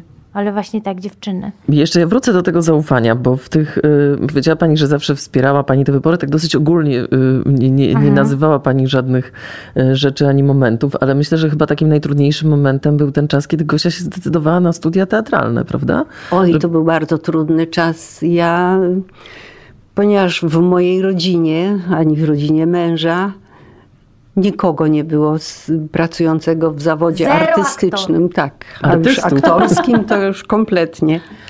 W związku z tym ja nie bardzo wierzyłam. Zawsze miałam jakiś taki dziwny, ym, dziwną opinię, że żeby dostać się do szkoły, to trzeba no, mieć kogoś tam znajomego, czy w rodzinie, czy, czy wśród znajomych przynajmniej. E, A tak to, owszem, talent Małgosi to zauważałam od, od małego, że lubi te wierszyki deklamować, lubi występować, y, lubi teatrzyki, no i później oczywiście już konkretna przynależność do tych, tych kółek zespołu tego poetyckiego w Młodzieżowym Domu Kultury. Bycie prezydentem w szkole podstawowej to też wiązało się z występowaniem przed publicznością, przed delegacjami przyjeżdżającymi z całej Polski do tej szkoły, bo to był ewenement Rzeczpospolita Dziecięca W tamtych czasach. w tamtych Nie, czasach. nie było demokracji. Tak. Więc ja to wszystko widziałam i to wszystko doceniłam, ale jako matka zawsze też widziałam drugą stronę tego zawodu, że to jest praca wieczorami w teatrze, ym, późnymi. I jeśli kobieta chce założyć rodzinę, chce mieć dzieci, to jak ta rodzina będzie wyglądała, jak to będzie właśnie w ten sposób tutaj związa, związane Bez z, z y, pracą. No już nie mówiąc o No. tych wszystkich innych sprawach typu środowisko trudne, zagrożenia. ym, Różnie to oczywiście się tam słyszało. Nie chcę tutaj głośno No, wymieniać co tych mi się wydaje, że zagrożeń. zmieniła się chyba trochę opinia o środowisku aktorów i w ogóle artystów, No, prawda? Gosia oczywiście, poszła na te studia, żeby zmienić tę no. opinię. Musiałam. No ale to było, mówię, wszystko wtedy. No tak, no i z perspektywy I to- też jakby no Torunia, jakby wiadomo, no, że tam no, nie No, mieliśmy takich znajomych nawet w ogóle. absolutnie. Więc to No, trochę ale takie też- legendy. Ile Tak. teatrów było wtedy w Toruniu? Jeden, dwa, bo Jeden. Baj Pomorski i Chorzyca, Tak. czyli Chorzyca no, ten dramatyczny i Baj Pomorski dla dzieci. Tak. No i, i ponieważ Małgosia była bardzo dobrą uczennicą, wszystkie świadectwa z paskami, y, więc miałam zawsze w głowie też to, że mm, mogłaby w każdym zawodzie osiągać sukcesy i, i, i spełniać się. A tu nagle wybrała właśnie taką szkołę. No i no, no trudno, no nie mogę sprzeciwiać się. Wybrałaś, próbuj. Tata był zadowolony. A tata byłby zadowolony, bo tak, tata lubił teatr. No ja też nie mogę powiedzieć, że nie lubiłam. Też lubiłam. No ale lubiłaś filmy też przede wszystkim, Ale też no, lubiłaś więcej- aktorki, tak. wiesz, no Grace No, Kelly, Audrey Hepburn. Dzięki tobie kochałam się w Gregorym Peku. Tak, to był ulubiony mój aktor, tak. No, i wszystkie filmy z rzeczywiście Audrey Hepburn. Gosia, pamiętasz jak zdałaś? Jak się pochwaliłaś w rodzinie? Jezu, no pamiętam oczywiście, że pamiętam, bo jeszcze też nie powiedzieliśmy o tym, że byłam jajcarą też znaną i o- oszustką, która po prostu, wiesz, przychodziła ze szkoły i, i e, no wiadomo, przejmowaliśmy się klasówkami, mama mnie przepytywała, ta, ta, ta, ta. I ja przychodziłam i ona mówi, no i co, No no jakie jak były pytania? Ja mówię, no i wyobraź sobie, że było akurat to, co żeśmy nie tknęły, bo już nie jest... Ja ona mówi, no chyba żartujesz. Ja mówię, nie, no i co? No i tak, no myślę, że No co, no tak. że co, no truja, no truja, no, no truja może plus. Ona... No pech, no pech, no. No Tak, nic, no nie przejmuj się. się, no poprawisz sobie coś Następna tam. Ja, będzie ha, ha, ha, wszystko to, co przerobiłyśmy, myślę, że piątka. I to się powtarzało ty regularnie. I, No i zawsze mi się udawało wkręcić, więc to mi sprawiało oczywiście wielką frajdę. No więc to było super. No jak się dostałam do szkoły, nie było telefonów komórkowych. Była ta poczta była na Świętokrzyskiej, główna poczta, gdzie poznawałam tych ludzi, co zdają egzaminy właśnie akurat w tym czasie, bo te egzaminy są wcześniej niż normalnie na uczelnie. I wszyscy tam stali, zamawiali międzymiastową na tej Świętokrzyskiej. Więc dokładnie to pamiętam. I teraz po drugim etapie, tym najważniejszym takim em, praktycznym, była lista, że się dos- znaczy w sensie, że przeszłam na ten trzeci, a ten trzeci też był taki etap, no trochę po macoszemu e, traktowany, czyli teoretyczny, tam praca pisemna, ale no to wiedziałam, że jestem dobra, no w sensie, no byłam przygotowana No, do tak. tego. Hum, no tak, no byłam humanistką, Humanistką też, więc jakby to dobrą, była tak. moja woda, ja się w tym czułam swobodnie, więc tu się tak aż super nie bałam, może najbardziej się bałam o historię Teatru Powszechnego, bo to jakby tego nie było tak super w programie, więc tego się uczyłam sama. Ale to już wiedziałam, że to jest ten ostatni, że już najważniejsze mam za sobą. I potem było tak, że już widziałam po tym drugim etapie, że moje imię i nazwisko, nie należące do najkrótszych, wystaje z tej listy. Czyli już wystarczyło, że wiesz, że Z daleka. z daleka już widziałam, jak coś wystaje, no to już wiedziałam, że to ja. No i pamiętam jak dzisiaj ten dzień, kiedy otwieram te drzwi, patrzę, wystaje. Idę I patrzę, jest Małgorzata Korzuchowska, ale czy to ta lista? Dostali się na wydział aktorski. Jeszcze raz idę, Korzu, jest. Dobra, to jest, jestem, dobra. Wychodzę i taki spokój w sobie, nie? Właśnie tak jak mama, opanowanie i idę tą miodową w stronę krakowskiego przedmieścia i myślę sobie tak, no kurde, to jest ten moment. No dostałaś się, hej dziewczyno, marzenie twojego życia się spełniło, hej, teraz! To jest ten moment. Wyobrażałaś to sobie sto tysięcy razy przed zaśnięciem, że będziesz szła miodową w podskokach. I zaczęłam podskakiwać, że tu jest ten moment, wiesz o co chodzi, że ja to zapamiętam na całe życie i że no przecież muszę dać wyraz tej radości. No to podskoczmy, ale trochę dziwnie, nie? No bo idą jacyś ludzie, a to ha, ha, ha. Podskoczyłam ze trzy razy, no byłam przeszczęśliwa i myślę sobie tak, hmm, to co mam teraz iść na tę pocztę znowu i dzwonić? Słabe to jest. Nie. Chcę tego efektu, chcę to zobaczyć. Pojadę. Tę radość na własne oczy. Jadę. Pojechałam do Torunia pociągiem. Przychodzę do domu. No nie ma Nie mamy ma i taty. taty. Są na urodzinach czy na imieninach u Tak. sąsiadów w bloku tam naprzeciwko. Dobra, to ja mówię, jeszcze super, jeszcze większa e, publiczność. Większy efekt. Większe audytorium.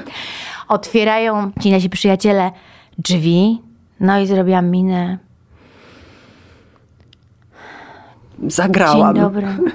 No i wszyscy już. No nie martw się! I ja wychodzę do tego, gdzie są wszyscy, już siedzą tam już przy tym stole w dużym pokoju i dostałam się. Yeah!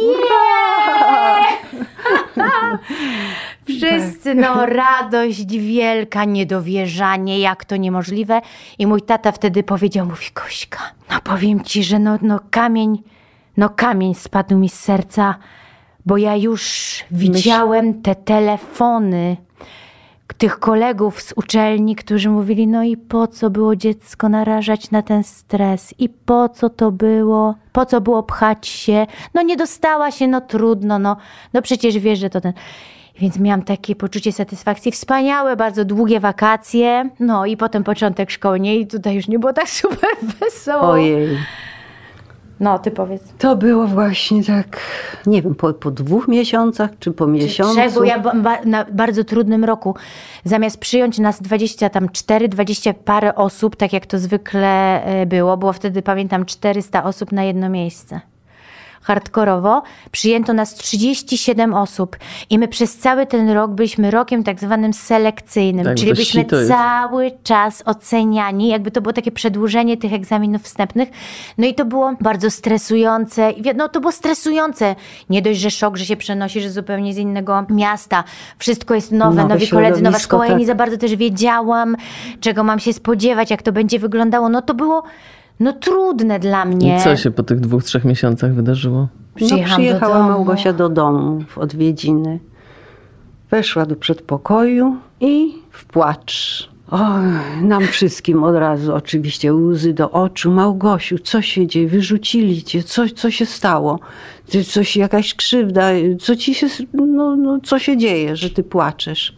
No i zaczęła opowiadać właśnie, jak to wygląda na tym pierwszym roku. Chodzi o to fuksowanie nieszczęsne y, tych, tych, tego ostatniego rocznika, wyżywanie się, poniżanie i, i, ja byłam wtedy przerażona. Mówię, Boże, to ci młodzi ludzie z entuzjazmem przyjechali tam, żeby spełniać swoje marzenia, to, to y, czego oczekiwali najbardziej.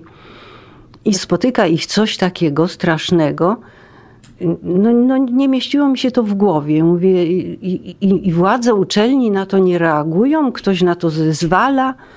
No ale Małgosia mówi, nie, że to jest taka tradycja, że to nikt absolutnie nie y, ingeruje w to i, i, i nie. No to jest pomiędzy studentami. No. No to ciekawe, że teraz mówi się o mobbingu ze strony wykładowców, a nie mówi się o tym Ale- Nie, mobbingu. mówi się trochę Co? też o tej fuksówce, wiesz? Tak, też się mówi. Też Ale się mówi. moim zdaniem to, to jest bez sensu. To, to, to absolutnie wytrąca mm, takiego młodego człowieka z, normalnego funkcjonowania i, i z, z tych, z tych Znaczy wiadomo, no wszystkich... jest to taki moment, kiedy musisz sobie poradzić z wieloma wyzwaniami. Jest, czujesz się niepewny, no bo no nie znasz wymagań profesorów, chcesz temu wszystkiemu sprostać, ale to wszystko jest dla ciebie jednak nowe. I do tego dochodzi jeszcze właśnie to, że jakby nie masz takiego wsparcia i pomocy wśród starszych kolegów, tylko wprost Odwrotnie. przeciwnie, oni cię jeszcze, to jest taka, no tak jak w wojsku taka fala. Oczywiście no nie aż tak hardkorowo, no ale to też wiadomo, no trochę to polega na tym, że no masz tak już patrząc na to z, z, z perspektywy, że myślisz sobie, że no jednak to są jakieś leczone kompleksy na tych kotach młodych, na tym młodym narybku, no kompletnie jakby do niczego niepotrzebne, dlatego że wiadomo, że nie mój jedyny zawód jest wyjątkowy, to wiadomo. Może on jakoś w sposób szczególny gdzieś y, podlega takiej ocenie ogółu, ale że potem przychodzi życie i to życie niesie ze sobą tyle wyzwań i taką szkołę też ci daje, że naprawdę to, co się dzieje przez te dwa czy tam te trzy miesiące tej fuksówki, jest kompletnie nie, niepotrzebne. Wydaje mi się, że właśnie, że ci młodzi ludzie powinni dostać wtedy wsparcie i taką pomoc. Oczywiście to się potem zmienia, bo jest fuksówka, czyli taka impreza, gdzie się przygotowuje przedstawienie i ci starsi przy, przygotowują dla nas, ci młodzi przygotowują dla, dla całej e, szkoły i to mija i potem jest oczywiście pojednanie i wszystko jest super i tak dalej, zawiązują się miłości i w ogóle ten. Natomiast jak usłyszałam bardzo niedawno, że Dorota Segda jako rektor e, krakowskiej szkoły teatralnej odwołała, zrezygnowała, wykasowała fuksówkę, to szapoba, naprawdę, no to chylę czoła, że ja ona to też zrobiła. To jest oczywiście że- wieloletnia tradycja, zawsze ta, tak, taka była i oczywiście to, jaką ona przybierała formę, też no, w 90% zależało od ludzi, którzy ją przeprowadzali, a ludzie, jak Nigdy wiemy, są takich hardkorowych różni. form, y, bo to jest jakaś też y, presja i, i wychowywanie tych młodych ludzi. Nigdy takich metod nie, nie, nie pochwalałam i, i jakoś No, nie, ale nie to już na szczęście No. jeździły. No, No ale no, co, to był taki moment, że mogłaś się załamać i wycofać? Czy coś by cię zawróciło nie, z tej ja bym drogi? się nie, raczej nie wycofała wtedy, bo ja za bardzo jakby byłam też przekonana i za długo już też byłam przekonana, że ja, że ja chcę to robić. Natomiast było Ale mi ciężko, tak, no po bardzo, prostu tak. dużo płakałam, co było kompletnie do mnie niepodobne, bo ja jestem raczej typem optymistycznym, Optymistycznym, i takim tak. patrzącym, dobra, czasami oczywiście no bywa ciężko i tak dalej, ale poradzę sobie, dobra, przejdę to, wiesz, no teraz jakby powiedzmy jest dół, no ale to znaczy, że się zaraz odbije, że jakby moje myślenie zawsze było takie do przodu. A tutaj miałam tak, że no byłam taka przy, mm, jakby tym przytłoczona. Ale jeszcze chciałam powiedzieć jedną rzecz, która mnie mm, bardzo wzruszyła w tamtym okresie. To były czasy, no wie, ja y, zdałam do szkoły, to brzmi 1990 roku. I to były właśnie no, ciężkie te czasy, ale już zaczęło się już po, po, po 89 roku, więc już zaczęły się pojawiać tutaj jakieś, wiesz, drogerie, butiki, coś, jakieś marki wchodziły takie mm, światowe e, na nasz rynek. Wiadomo, że niedostępne i pamiętam w swoim myśleniu takim, mieliśmy jedną koleżankę, której mama pracowała w twoim stylu, no i ona jako pierwsza przyniosła szminkę Diora. I ja pamiętam, że to było to był ósmy cud świata i kiedyś jak już tam, nie wiem, statystowałam, gdzieś zaczęłam zarabiać jakieś swoje pierwsze pieniądze jako studentka, to myślałam sobie, Boże, czy ja kiedyś będę mogła wejść do y, no, takiego właśnie sklepu z kosmetykami i móc kupić sobie szminkę i maskarę, czy już do końca życia będę musiała wybierać. I to jest podprowadzenie pod to, że mama mi szyła, no to już jakby wiemy, to nie jest tajemnica i tak dalej. I któregoś tam razu, ja ja, wiesz, potrzebuję takiej bardziej porządnej spódnicy, takiej do żakietu, takiej bardziej reprezentacyjnej, y, takiej ołówkowej, prostej, czarnej spódnicy. Mama mówi, dobra, to ja ci uszyję. No i jak po- po- za którymś razem, kiedy wracałam z Torunia, ona mi to wsadziła do walizki, ja nawet tego nie widziałam. I potem wyciągam tę spódnicę i mówię, kurczę, ona ma wszytą metkę jakąś taką firmową i takie dwa uszka takie do zawieszenia na wieszak. Ja wiem, mama mówiła, że mi uszyła spódnicę, a gdzieś z paczki skołowała. I dzwonię do niej i mówię, ty mama, a co to też spódnica mówiłaś, że uszyłaś? A tu matka jest jakaś ten... I mama mi wtedy powiedziała, pamiętasz? Tak, wszyłam po Wszyłam prostu. ci te szlówki, coś, bo wiedziałam, że rozbieracie się tam razem, się przebieracie w tej szatni, żeby ci nie było przykro, że ty nie masz takich porządnych Tak, trochę oszukałam. Ja Jezu.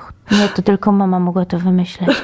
Ale to mnie mega Już wzruszyło byłaś wtedy. na studiach wtedy? No tak, no byłam na studiach. I chciałam powiedzieć a propos tych początków e, w zawodzie, kiedy po e, killerze, no, który był no, takim no, znaczącym bardzo filmem e, dla mnie, ale też takim wymagającym, jeśli chodzi o oprawę taką PR-ową, że to nagle była premiera z pompą, potem był festiwal w Gdyni, no i trzeba było zadbać o jakoś się ubrać też e, na to. No to były takie no, początki. To ja pamiętam, że Gosia Baczyńska, którą za chwilę poznam, to ona jeszcze sobie spokojnie siedziała we Wrocławiu, więc to dopiero się zacznie wszystko mm, kiełkować.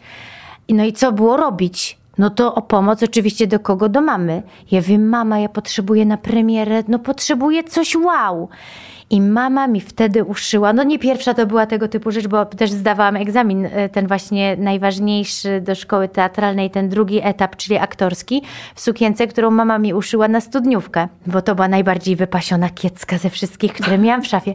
No i na tą premierę wracając, i mama mi uszyła wtedy, to była bluzka, z takiej wtedy była to modna, jedwabna tafta, taka, taka surówka w takim kolorze złamanego niebieskiego, takiego wpadającego Taki w grafit, stal, tak? Grafit I do trochę, tak. tego też z tego samego materiału, tylko takiego trochę grubszego, e, spódnicę długą z taką kontrafałdą, tak no, pokombinowaną, e, z takim mankietem na dole, dosyć taką obszerną, z kolei z takiego, taki Stare kolor starego złoto. złota.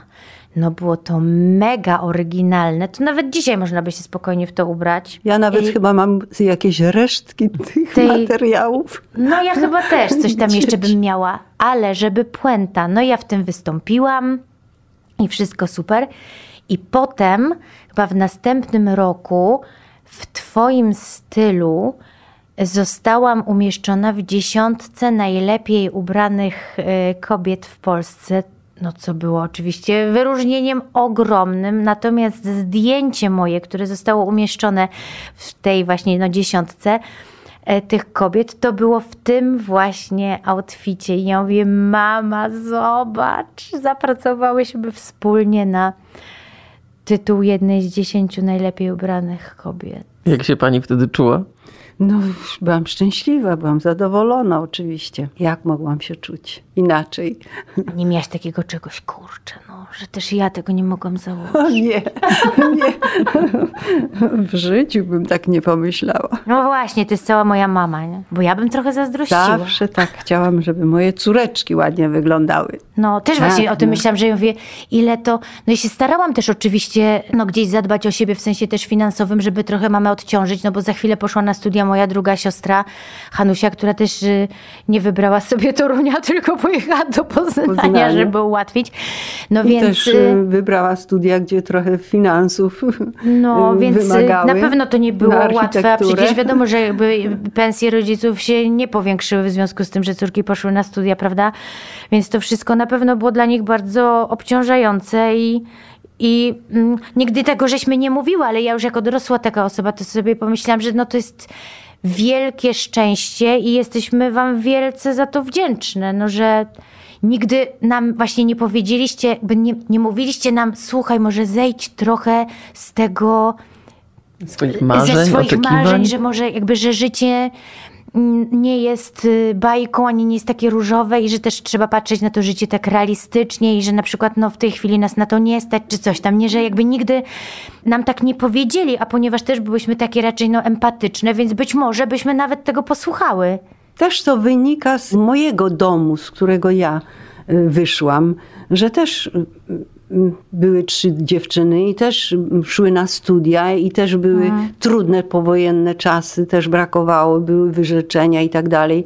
I zawsze mam przed sobą obraz mamy, która zawsze odejmowała sobie, nie, nie kupowała, przerabiała też to, co się dało, po to tylko, żeby ułatwić oczywiście ten start tym swoim córkom. I to przeszło na mnie widocznie. Tak, ale dzięki też temu, ponieważ ja to też oczywiście widziałam, też miałam coś takiego, że jak już zaczęłam zarabiać, e, dostałam angaż w teatrze i mogłam iść do sklepu i pamiętam, że jakaś taka pierwsze święta e, Bożego Narodzenia, gdzie ja już miałam etat i zarabiałam spektaklami i tak dalej, kiedy ja mogłam pozwolić sobie na kupienie prezentów. Pamiętam, że to był no, ten okres właśnie chodzenia, kupowania, wybierania dla każdego coś, czego wiem. I jeszcze miałam taki klucz, że jakby zrobię te prezenty, które wiem, że oni w życiu by na to nie wydali pieniędzy. To było, no taka, pamiętam, przyjemność. Pomyślałam sobie, że to jest chociaż jakiś taki minimalny sposób, w jakim mogę jakby okazać też swoją wdzięczność za te wiesz, wszystkie lata, no jednak wyrzeczeń, no i takiej, no ciężkiej bardzo pracy. Ja jestem wzruszona tak cały czas, że myślę sobie tak mm, teraz, jak o tym opowiadacie, że y, zazwyczaj na urodziny się daje prezenty, ale w tej chwili to, co Gosia daje razem z panią, to daje chyba prezent wielu ludziom, którzy będą tego słuchali, bo to jest taka no, piękna opowieść o miłości, o, o macierzyństwie, o wychowywaniu i o życiu. Tak sobie myślę. I, I na koniec tylko mogę zapytać, nie wiem, czego, czego pani jako mama by życzyła Gosi? Teraz tej, bo miała kiedyś jeszcze niedawno miała 5 lat i zdmuchiwała te pierwsze świeczki na torcie, a dziś będzie zdmuchiwać 50. Trudno Nie zmieści się. Mi oswoić się z tą myślą, że, że właśnie to jest już 50 lat. Mój Boże. No. Chciałabym, żeby żyła jak najdłużej. To jest życzenie każdej mamy. Trudno mi sobie wyobrazić Jasia mającego 50 lat. Przestań. Nigdy nic nie wiadomo. No nie, no super jest to, nie idźmy tutaj w takie tony. Super jest rzeczywiście to, że, y, no, że, że te czasy się tak zmieniły, no że żyjemy dłużej, że dłużej jesteśmy w dobrej formie że możemy się cały czas sobą cieszyć, że właśnie, że taki Jaś, który jest późnym dzieckiem, bo ja jestem też późną mamą, ma babcię, ma dziadka, że jesteśmy razem, że możemy razem spędzać święta, gdyby nie ta chrzaniona pandemia. no to pewnie byłoby jeszcze fajniej, ale że nie wiem, no może możemy wyjeżdżać, organizować y, zloty czy rodzinne y, czy jakieś jubileusze, czy urodziny, bo też tak w naszej rodzinie jest, że, że te urodziny zawsze tak świętujemy, bo, no bo uważamy, że to jest ważne w życiu, żeby mieć takie właśnie momenty, gdzie wszyscy się spotykają i przeżywają coś wspólnie i cieszą właśnie się z tego, tak, że żeby siebie nawzajem mają. Również z siostrami, która jest cały czas, e, żeby tak trwała, żeby się nie zmieniła to jest... No, super to było właśnie w tym czasie takim teraz, no, gdzie jest tak. ten lockdown i moja siostra Hanusia krótko po mnie urodziła swoje drugie dziecko i to jest też synek Antoś. No i on się bardzo lubi z Jasiem. No Jaś z Antosiem się uwielbiają. Jasiu nie ma swojego brata, bo wiadomo, jest jedynakiem. I oni rozmawiają ze sobą na Whatsappie albo przez Skype'a i oni pokazują sobie zabawki i mówią sobie, y, co będą robić, jak już się wreszcie spotkają. I to jest też, no ja tak, też mam coś takiego, że, że nawet jak nas zabraknie, no to on ma jednak rodzinę, ma tego brata tak. takiego przyrodniego, y, jednego, drugiego i, i siostrę i że oni będą siebie mieli zawsze i bardzo też o to dbamy, żeby te relacje były mimo tej odległości, no, która, która, yy, która nas dzieli, bo każda z nas mieszka w innym mieście.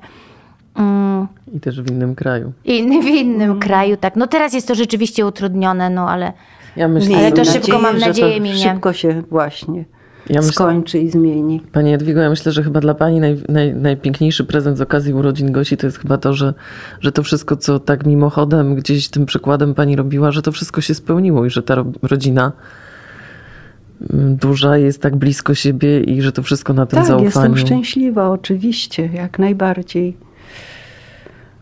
To piękny, Mama powiedziała, że jest szczęśliwa. No, to najpiękniejszy prezent. Tak, dzień urodzin Gosia. Żyj jak najdłużej. No Śmiej się z nami jak najdłużej.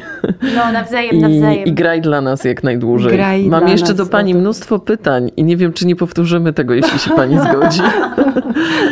A ja y, z, naprawdę z największą przyjemnością y, i, i z ogrom, ogromną wdzięcznością mogłam się przysłuchiwać tej rozmowie i, i na koniec się przedstawię Katarzyna Montgomery. No, Dziękuję Kasiu, bardzo. my ci tak dziękujemy, że stworzyłaś Dziękujemy. tutaj taką atmosferę, bo mama była Tak, zestresowana.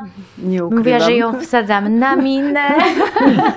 Ale ja nawet jestem zaskoczona otwartością mamy i to tym, że powiedziała tyle właśnie super rzeczy. I też Ci bardzo dziękuję, że dałaś się na to No. namówić i pokonałaś po raz kolejny jakąś e, w swoim życiu w sobie barierę, czy Barierę, jakąś tak. no, kolejną granicę, bo I teraz już wszyscy wiedzą, dlaczego ten podcast się nazywa Niekończące się historie.